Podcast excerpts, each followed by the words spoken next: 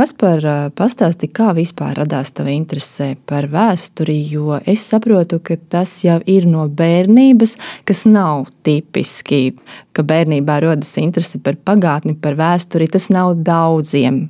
Kaut kādā ziņā tas ir arī saistīts ar to, ka es lielāko vai lielu daļu sava laika pavadīju pie vecmāmas un vectēva, lielajos strados Varakļānu pagastā. Un, Un man kaut kā nu, sanāca tā, ka man, man patika lasīt avīzes, patika lasīt tās vēstures sadaļas, kas bija. Politika interesēja ļoti. Es gan tagad nevaru pateikt, cik man gadu bija, bet, piemēram, kad bija kaut kādas tur saimas vēlēšanas vai vēl kaut kas, es sēdēju, varēju sēdēt pie televizora un tur, teiksim, biļeti nu šķirstīt. Laukos bija arī grāmatas, protams, pārsvarā tās bija padomju laika. Bet tur bija tādi vairāk geogrāfiski stāsti par dažādām, teiksim, Āfrikas un okeānijas ciltīm un kaut kas tamlīdzīgs. Man patika viņas palasīt. Un, tad, kad es mācījos Rakļa nedēļas skolā, nu, man bija tās divas pamatlietas, kas man tiešām interesēja. Tā bija geogrāfija. Un tā bija vēsture. Nu, jau principā no pamatskolas pēdējām klasēm bija ļoti izteikti. Salikās tās kārtas tā, ka studēju vēsturi. Uh, Pirmais pieejams eh, nebija veiksmīgs. Tas bija Latvijas Universitātē, Vēstures filozofijas eh, fakultātē. Ļoti iespējams, ka arī gan tas vecums, gan arī nu, es īsti nebiju nobriedis un gatavs kaut ko teiksim, nopietnu darīt. Un, un, tās studijas kaut kā neizdevās. Tad bija pārtraukums. Eh, Pās, pastrādāju arī dažādus gadījumu darbus, mežā, kokzēģētavā. Es vienkārši zinu, kāda ir tā dzīve ārpus varbūt izglītības, izglītota cilvēka sfēras un kāda tā dzīve ir. Otrpusē, tā sakot, tam aizkaram, un man kaut kā gribējās kaut ko tomēr dzīvē sasniegt, kaut ko, kaut ko darīt, varbūt tas, kas man interesēja. Un tā pienāca tas 12, 2012. gads, un es nolēmu, ka vajag kā atsākt tās studijas. Un tā es pagaidām esmu palicis vēstures nozarē, bet Eh, godīgi jāsaka, ka es esmu vairākas reizes eh, domājis par to, ka varbūt tas būtu jā, jāmet pie malas, jo nav jau nekāds noslēpums, ka gan tā kultūras eh, nozare, gan vēsture nu, nav tās labāk apmaksātās vietas. Un, diemžēl arī mūsdienās nu, tā nostāja, teiksim, ka tu strādā kultūras jomās vai ko, ka tu vari to darīt par paldies. Nu, nav tas, tas vēsturnieka darbs apmaksāts. Jā, un, un, un, te man jārunā arī par tiem pašiem muzejiem. Neviens no muzejniekiem uh, Eh, es domāju, ka daudzi arī piekritīs, nu, nav nekādi miljonāri, jā, un, un tās algas ir, es teiktu, par apsmieklu. Jā, un, un strādājot arī eh, Latvijas kultūra vēstures muzejā, ja mēs paskatāmies, cik mēs saņemam par to darbu. Nu, man ļoti bieži kolēģi Rīgā jautā, eh, tā, ka mums ir bijušas kaut kādas sarunas, viņi ieplēš acis. Ja mēs redzam arī izglītības jomās, kas tās populārākās ir, protams, ka iet studēt to, kur tu vari nopelnīt, tas noteikti ir kaut kā jārisina. Jā, jo, nu, kaut kādā dienā mēs varam atcerēties, ka mums vienkārši to kvalitatīvo cilvēku vairs nav. Par vēstures eh, jomu vairāk runājot un pievēršoties, eh, kādā intervijā saki, ka sabiedrība nav gatava uzņemt jaunu informāciju par eh, nepopulārām vai sarežģītām tēmām reģionu vēsturiskajā attīstībā. Un šķiet, ka tev šīs tēmas tieši interesē un ka tu vēlies tās parādīt. Kā tu pie šāda secinājuma nonāci, ka cilvēki nav gatavi runāt par sarežģītām tēmām un ka patiesībā šī sabiedrība ir ļoti konservatīva? Te atkal par Latviju gribētu runāt, jo nu, mēs tomēr esam tāda sabiedrība, varbūt, kas ir vairāk, es teiktu, noteikti vairāk konservatīva nekā uh, publika, nekā teiksim, Rīgā vai varbūt kādā citā lielākā pilsētā. Un skaidrs, ka teiksim, kaut kādas nemateriālās uh, kultūras mantojuma lietas ir jāpēta viss, bet ja mēs pētām teiksim, tās. Varbūt neērtās tēmas, jā, kaut kādus kolaborācijas jautājumus kara laikā, un varbūt arī tādas lietas kā holokausts un, un visu, kas ar to ir saistīts. Tā kā mēs paskatāmies uz tām lietām, ne tikai no tāda, kas mums klasiski ir no tāda upura lomas, jā, bet ja mēs paskatāmies, kā arī citiem, teiksim, tiem pašiem ebrejiem, romiem, uh, un, un, un citiem cilvēkiem. Viņi arī ir cietuši. Kā, paskatīties, kā arī mēs šādos vēstures nogriežņos neesam nu, teiksim, bijuši diezko labāki, ja, un esam sadarbojušies, esam piedalījušies. Tas, manuprāt, mūsu kā sabiedrība tomēr gan vai, vairo šo izpratni, gan varbūt padara cilvēciski labākus kaut kādā ziņā. Jā. Jo skatīties tikai vienpusēji, nu, tas, ir, tas ir viens diezgan liels grāvis, kas neved ne pie kaut kāda konsensusa un risinājuma. Un otrs, nu, ja mēs paskatāmies. Man pašam ir diezgan daudz sanācis ar šīm tēmām strādāt. Nenoliedzami tās ir ļoti interesantas, tas ir viens.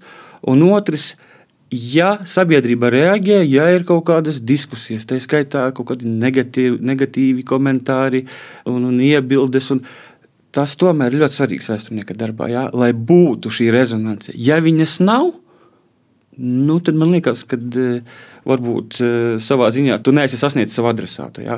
Jebkurā gadījumā e, būt vēsturniekam un, un baidīties no kritikas, tad nav ko meklēt šajā darba laukā. Par tavu jauno grāmatu es saprotu, ka pavisam drīz tā būs eh, arī rokās taustāma. Eh, tā ir grāmata Pagātnes nospiedumi Varakļāna ebreju kopiena. Pastāstīja, kā tu nonāci līdz šai ebreju tēmai. Tā pirmā saskare pētnieci, pētniecībā tieši tas bija pirms deviņiem gadiem. Tas saistās ar manām bakalaura studijām Rēzaknes augstskolā, toreizējā, tagad Rēzaknes Tehnoloģiju akadēmijā. Un tad, kad mums vienkārši vajadzēja studiju, studiju kursā izvēlēties, nu, par ko mēs rakstīsim. Kas būs tas, kas, ko mēs pētīsim. Mums tomēr tā, tas, tas pētniecības lauks vairāk virzīts uz šo mikrovēsturi, paskatīties dzimto pusi vēsturi, pilsētu, latgales. Jā. Un tad man bija tie, kā es parasti smiežos, tie liktenīgie vārdi, ka varakļānos bija arī ebreji. Un tad uh, pasniedzēja valde Čakša, nu, principā tā sanāca, ka viņa kļuva par manu darba vadītāju. No 12. gada es sāku pētīt varakļānu ebreju vēsturi, gan e, tieši no mutvārdu avotu perspektīvas vairāk. Tad bija arī tā, e, jāsaka, tā liktenīgā tikšanās ar, ar šo vienīgo varakļānu ebreju, kas pirms diviem gadiem Salams Segals diemžēl aizgāja mūžībā. Un, jo es vairāk pētīju, jo es vairāk sapratu, ka tas temats Latvijas mērogā, protams, viņš ir diezgan labi izpētīts, jāatzīst, jā, salīdzinoši ar citām varbūt. Bet eh, šo mazo pilsētu un ebreju kopienu stāsti bija ļoti maz pētīti. Man liekas, ka tas ir svarīgi, lai mēs teiksim, kopējā kontekstā tas, tas dod diezgan lielu pienesumu, lai izprastu, kāda tie ebreji dzīvoja, kā, kāda bija viņu kultūra. Uh, reliģija un, un sadzīve, jo nu, arī mūsdienās mums ir tāds ļoti vispārējs un, un, un nereti stereotipisks priekšstats par viņiem. Un, un tad, kad es tikos ar šiem respondentiem, kas man arī bija pēc manām bakalaura studijām, es arvien vairāk, vairāk sapratu, cik tomēr mēs maz par viņiem zinām. Jā, un cik viņi īstenībā ir nu, spēlējuši nozīmīgu lomu. Tieši, ja mēs runājam par Varakļaunu pilsētas gan attīstībā, ekonomiskajā, kultūras, reliģiskajā un, un vienkārši klikšķi pienāk otrais pasaules karš. Un, pāris teiksim, nedēļu laikā, kurš aizbēg uz iekškrieviju, kurš paliek uz vietas, un tie, kas paliek, diemžēl, uz vietas, tiek, tiek iznīcināti. Un, un pēc kara jau, protams, tā kopiena, tie cilvēki, kas atgriezās, bija ļoti neliela un, un principā. Nu, tas tā ir tāda zudusi Atlantīda. Kāda bija šī varakļā nebreju kopiena? Minēja, jā, ka liels ieguldījums viņiem ekonomiskajā ziņā, kultūras principā varakļaunos ebreji vienmēr līdz pat karam eh, bija nevis eh, minoritāte, kā mēs tagad viņus dēvējam, bet mažoritāte. Eh, bija teiksim, 20. gadsimta sākumā ebreju īpatsvars sasniedza pat 75% no visiem iedzīvotājiem. Protams, jā, pamatā. Ebreji bija tirgu, sīktirgotāji, mums gan ļoti bieži kaut kādā mēs pamanāmies, nu, viņus eh, arī stereotipiski nodēvēt, ka viņi bija teiksim, ļoti turīgi un bagāti, bet īstenībā jau Latvijas ebreji nebija bagāti. Viņi varbūt bija turīgāki noteikti uz uh, latviešu zemnieku fona, jā, ka viņam tur bija teiksim, sava bodīte, viņš tur tirgoja kaut kādas dažādas preces, viņam bija šis manufaktūru veikals vai, vai, vai viņam bija teiksim, aptieka un daudzas citas tādas sīkas bodītas, bet eh, principā, ja tā ekonomiski nu, nebija tas nekas tāds, ka, ko mēs varētu saukt par ļoti turīgu cilvēku. Bet, eh, ja mēs paskatāmies arī tās pirmskara, starpkara attiecības starp, starp vietējiem iedzīvotājiem, tiksim, ebrejiem un latviešiem, tad nu, viņas bija diezgan pozitīvas. Jā. Ja mēs skatāmies no tādiem pazīstamākajiem ebrejiem, tad man uzreiz uh, prātā nāk zinātnieks Zalamans Manevičs. Viņam bija vetārta izglītība, Un viņam bija diezgan arī padomju gados, jā, tā, ka viņš atgriezās, atgriezās no, no kara, jo viņš, jo viņš pēc tam dienēja arī Otrā pasaules kara laikā, kā jau daudz ebreju, kas izdzīvoja, viņš devās uz iekškrieviju, dienēja arī strādnieku divīzijā, un pēc tam atgriezās Latvijā. Viņam tā zinātnieka karjera bija diezgan ievērojama. Viņš arī strādāja Jelgavā. Universitātē bija vairāku desmitu zinātnisko rakstu autors, grāmatas, un, un šajā nozarē tieši veter, veterināra medicīnas nozarē viņš bija diezgan redzams cilvēks visā Latvijas mērogā. Un, un, protams, ir, ir daudz tādi, nu, teiksim, Kaut vai, piemēram, aptiekāri. Ja tagad mēs paskatāmies, tad tas varbūt nav nekas izcils, bet nu, tajā laikā to aptieku jau nebija tik daudz. Jā. Varakļaunos, teiksim, šie drogu un aptieku veikali, un tur bija kādi divi, trīs. Jā. Un, ja mēs paskatāmies arī šajās mutvārdu liecībās un, un arī rakstiskajās, šo ebreju vārdu ļoti bieži pavīd. Jā, tie cilvēki nosauc vienus tos pašus, un teiksim, kādam ir izpelīdzējis, uh, uztaisījis zāles, uh, un, un teiksim, nav prasījis samaksu. To var izdarīt vēlāk. Tas ir ļoti bieži teiksim, arī ar dažādiem teiksim, preču veikaliem. Jā. Man pašam, kas ir, kas ir atmiņā, tas ir, tas ir mans vectēvs, kas kādreiz arī.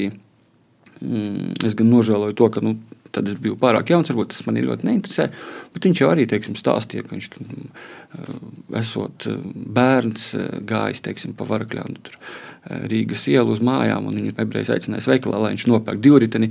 Viņš tajā laikā bija ļoti nabadzīgs teiksim, zemnieka dēls, viņš to nevarēja, un tad viņam to riteni piedāvāja paņemt ar pēcmaksu. Un, un, un, protams, ka šī arī tā ebreju mentalitāte nu, bija no vienas puses tā kā reliģiski noslēgta kopiena, bet sabiedriskajā dzīvē viņi bija ļoti aktīvi. Un, un tā visa tā pilsētas dzīve bija tāda monolīta, ja? un arī pilsētas teiksim, pašvaldība.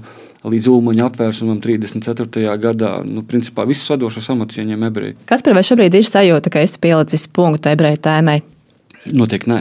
Noteikti nē, jo teiksim, par varakļu ebrejiem man grūti teikt. Jā, pagaidām nekas nu, vismaz plānā nav tuvākajā nākotnē, bet tas noteikti nekādā veidā neliek punktu. Es domāju, ka tas ebreju tematikai pieliek tikai komatu, tādu treknāku.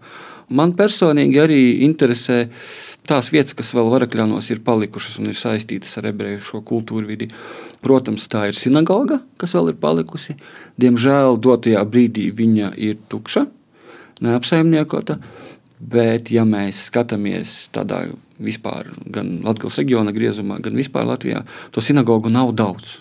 Un, ja mēs runājam par šo varakļānu sinagogu, tad es domāju, ka tur ir vēl ko pētīt par pašu, gan par pašu sinagogu, gan, gan varbūt tas ir ļoti utopisks tāds, uh, sapnis um, šo sinagogu kaut kā nu, atdot viņai varbūt šo vēsturisko elpu un izmantot kaut kā liederīgāk. Jo Tā īstenībā nav parasta sinagoga. Tā, tā ir Hasīdu sinagoga, kurai pirms četriem gadiem bija jau 200 gadi apritēja. Un, protams, viņa ir mainījusies. Protams, ka kara laikā šis, tas, šādas tādas, teiksim, arhitektūras detaļas ir pazudušas, bet ēka kā tāda. Ēka kā tāda un es domāju, ka šeit varbūt arī pašvaldība varētu kaut ko padomāt par ja mēs skatāmies šos rēzaknes, lūdzas, sinagogas stāstus, kāpēc gan ne? Tas būtu tikai iegūms gan, gan turismam, ja mēs gribam, teiksim, Eh, lieliski varbūt eh, arī nu, pārdot šo tagad jau moderni, jā, teiksim, eh, varakļānus varbūt saukt par, par pilsētu uz vidzemes un latgales robežas, jā, jo dotajā brīdī mm, šis, šis joprojām, manuprāt, ir tāds karsts temats, kaut arī, protams, kultūra vēsturiski tur nav nekādu divu domu, tā ir latgale un, un punkts, jā, bet, nu, protams, ka šī Eh, identitāte mainās, un gribam mēs to vai nē, cilvēku arī lietas, ar ko viņi sevi asociē, arī mainās. Un, un tas 21. gadsimts, un tas ir normāli. Saki, vai esi domājis par to, kāda šodien būtu varakļāni, ja nebūtu otrā pasaules kara notikuma attiecībā pret uh, ebreju tautu? Es domāju, ka nu, vēsturniekiem jau Es domāju, lielākā daļa man piekritīs, un, un arī man pašam tādi futuristiski jautājumi nepatīk. Ir, ir, ir fakts, ir tā, kā ir. Bet katrā gadījumā noteikti, ka, ka tie būtu savādāki varakļāni. Tie noteikti būtu savādāki varakļāni. Es domāju, ka ļoti iespējams pilsēta mēs varam pieņemt, ka viņa varbūt būtu attīstītāka, ka viņa noteikti varētu būt arī, arī teritorijas ziņā kaut kādā lielākā, iedzīvotāju vairāk. Bet, ja mēs vienkārši runājam par to, kādi būtu varakļāni pirms otrā pasaules kara, tad mēs tāpat varam domāt, kāda būtu vispār Eiropa pirms otrā pasaules kara. Un tad es nezinu, varbūt arī mūsu tikpat labi te nebūtu. Jā, mēs kaut kur citur atrastos. Tāpēc nu, tas ir tāds jautājums. Bet katrā gadījumā noteikti viņi būtu savādāki, es nedomāju, ka viņi būtu sliktāki. Jo, jo šis, šī dažādība tikai bagātina, šajā aspektā man tā pārliecība tikai gadu laikā, arī pētot dažādas lietas, ir tikai augusi. Es domāju, ka tas viennozīmīgi bagātina sabiedrību un neko mums neatņem, tikai pieliek.